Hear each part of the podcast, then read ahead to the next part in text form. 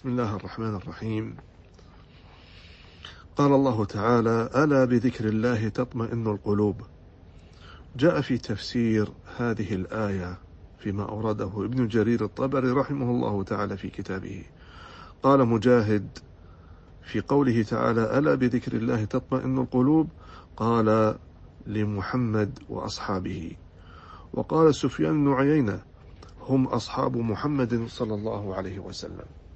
وهكذا تطمئن القلوب وترتاح وتعلم علم اليقين أن ما كان عليه الصحابة رضي الله عنهم هو الحق المبين.